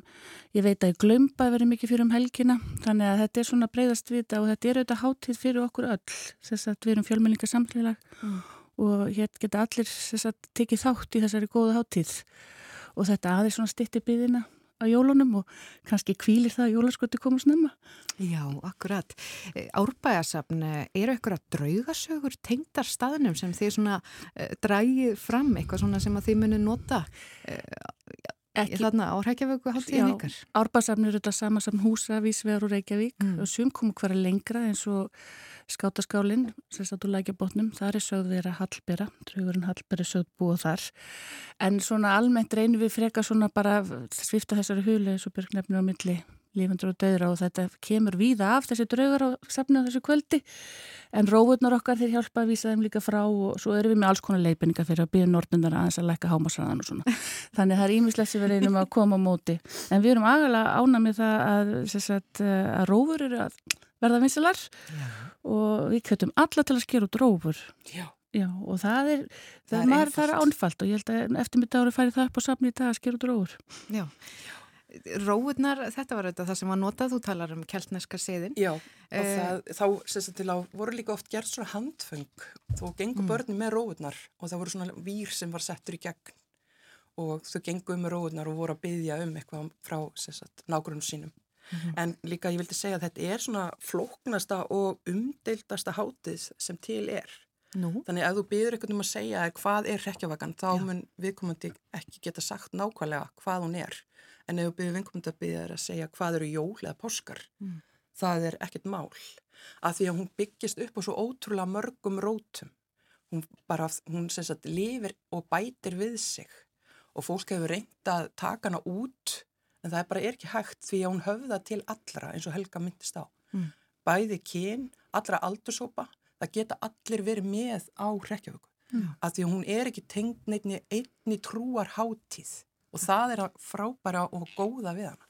Svo minnir þetta nú um margt á, á öskudaginn. Já, það gerir það. en ég vildi líka bara bæta einu við þar eldurinn Já, og ég sess að við ætlum að fá eldrottningu til okkar árbæðsöfn sem ætlar að enda dagskrána þannig ég vildi bara koma því að en eldurinn hann táknar líka enduníun, enduníun upphaf og enduníun og losa sig við gamla og taka móti hinnu nýja. þess vegna voru oft brennur og við ætlum að setja svona vekja það upp með eldrottningunni. Já, og opna eitthvað svona skil inn í handan heimana, það eru þessi óræðu skil núna.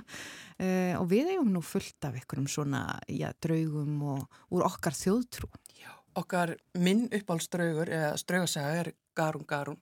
Mm.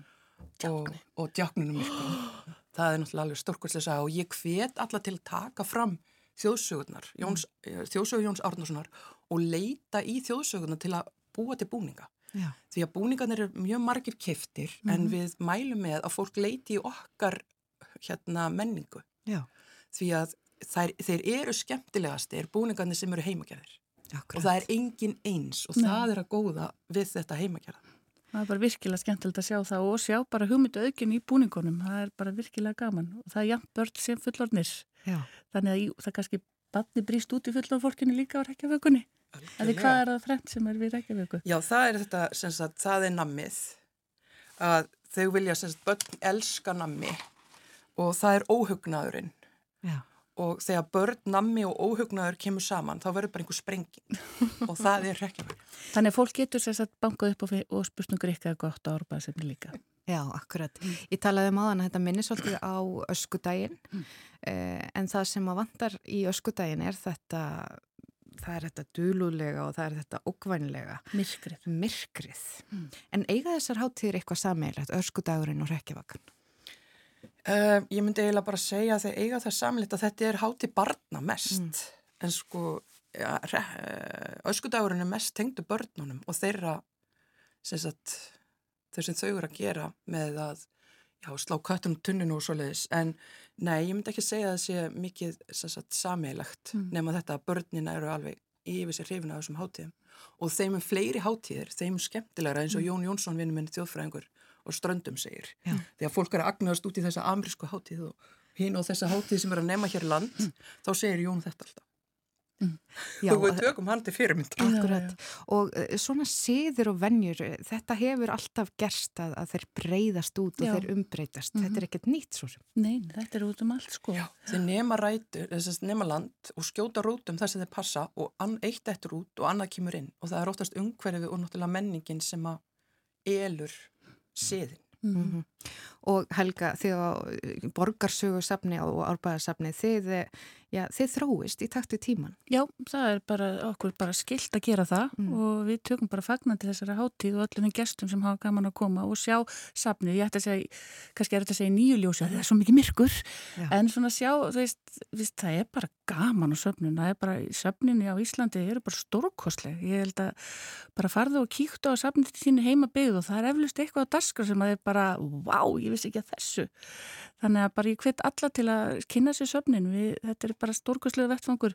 Þú ekki bæði bara upplifa fall, fengið falla og skemmtilega upplifun en líka svona sem óhugnulega eins og núna á mánudaginn.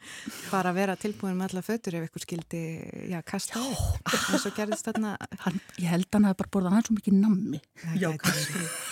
En ég vildi segja, ég er hérna á litla frængu sem er 11 ára, Marina Rós og hún er mikil hestakona og hún ætlar að vera dauð hestakona.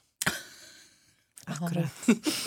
Þetta er óhugnalegt. Þetta er mjög óhugnalegt. Og þið vitnuðið í garun, garun, það gæti verið hempuklættir, Mhm. já, með hvítan eh, blett í, í á höfði. Já, Já, nakkan, ó, já, Og ástæðan fyrir að, að djáknin segi garun er það að draugar get ekki satt guð akkurat. og þeir endur tökka allt og þess vegna veistu þú ert að tala við draug.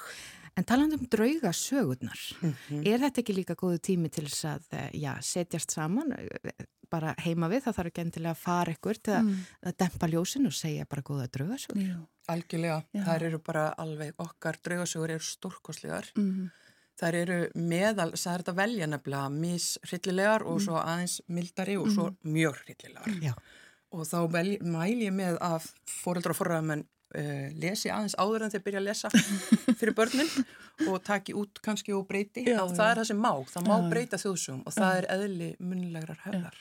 Er þetta uppáhaldsháttíðin ykkar orðin? Já, hún er, hún er skemmtilegt svona fyrir okkur starfsfólki til að gera og svona. Þannig að jú, við höfum gaman, við höfum bara gaman af öllu safnastarfi og er bara alltaf gaman að fá smá krytti tilveruna.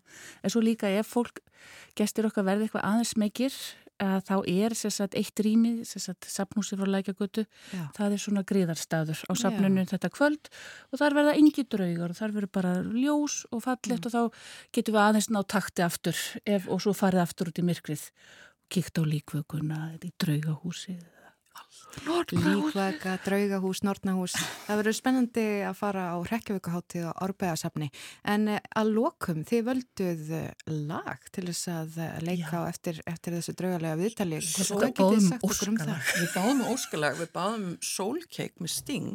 Mm. og þar er hann að syngja um þetta að fara og byggja um kökur. Mm. og þetta er eftir gömlu bresku, breskri þölu eða gömlu bresku kvæði. Mm -hmm. Glesilegt, við skulum hlýða á það lag. Takk fyrir að koma hinga til okkur á morgunvaktina Helga Morin Gilvadóttir og Björk Bjarnadóttir og gleðilega rekja við góða morgun. Sumleis, takk fyrir okkur. Sumleis, takk.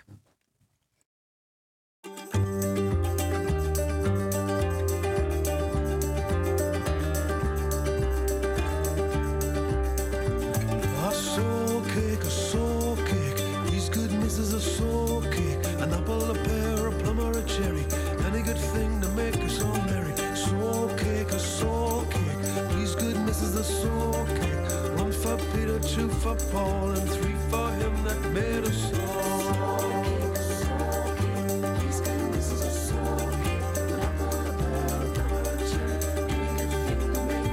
God bless the master of this house and the mistress also, and all the little children that round your table grow, the cattle in your stable, the dogs at your front door, and all that dwell within your gates will wish you ten times more.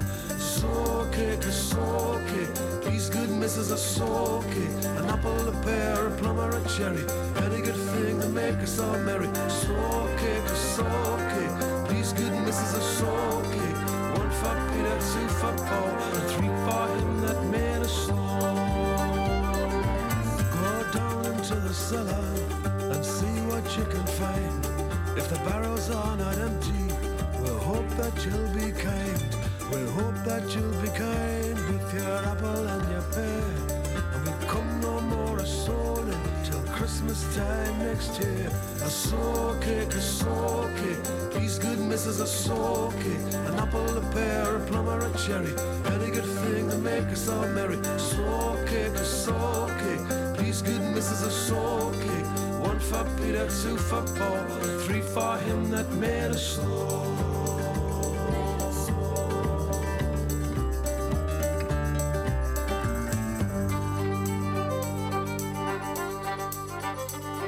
The streets are very dirty, these shoes are very thin.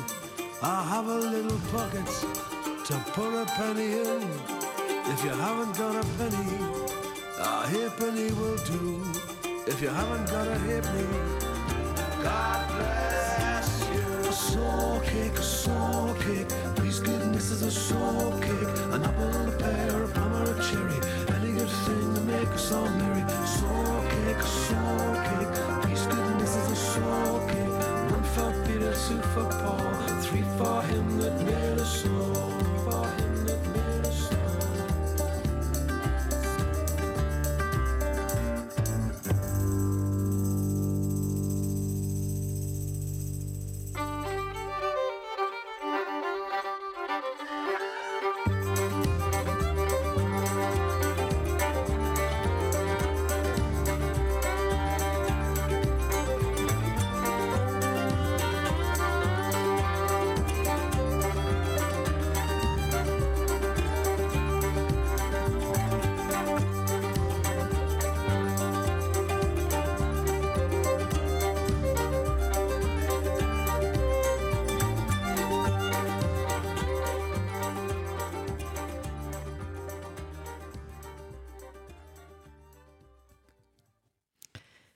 Hér heyrðum við lagið Soul Cake með Sting en þetta var óskalag þeirra Helgu Gilvadóttur og Björg Bjarnadóttur eftir að hafa fjallað hér um rekjavökunna og hvaðan svo háttíð er sprottin. Já, og hrekkjavaka á mánudag 31. 31. oktober og uh, þá hefst líka í Helsingi uh, fundur uh, Þing Norðurlandaráðs og það fara einir nýju þingmenn sínist mér frá Íslandi þangað. Fundurinn hefst já á mánudag og stendur fram á fymtudagi næstu viku. Og engir þingfundir hér á Íslandi á meðan. Næstu þingfundur áformaður 7. november þá verður líka búið að halda landsfund uh, samfélkingarinnar, hann hefst í dag og flokkurinn fær nýjan formann, Kristrúnu Frostadóttur sem var gestur okkar hér á morgváttin í gær. og svo er það spurningin hvað verður á landsfundi sjálfstæðarsflokksins sem er um komandi helgi, hann verður haldin 4. til 7. november spenna að koma upp á yfirborðið þar en, en aðeins Bjarni Benediktsson sem hefur búið sér fram til formanns þar. En morgunvaktinni er lokið í dag og þessa vikuna. Við þökkum samfélgina í dag. Við verðum hér aftur á mánudag. Bjóðum góðan dag þegar klukkuna vantar tíu mínútur í sjö Verðið sæl.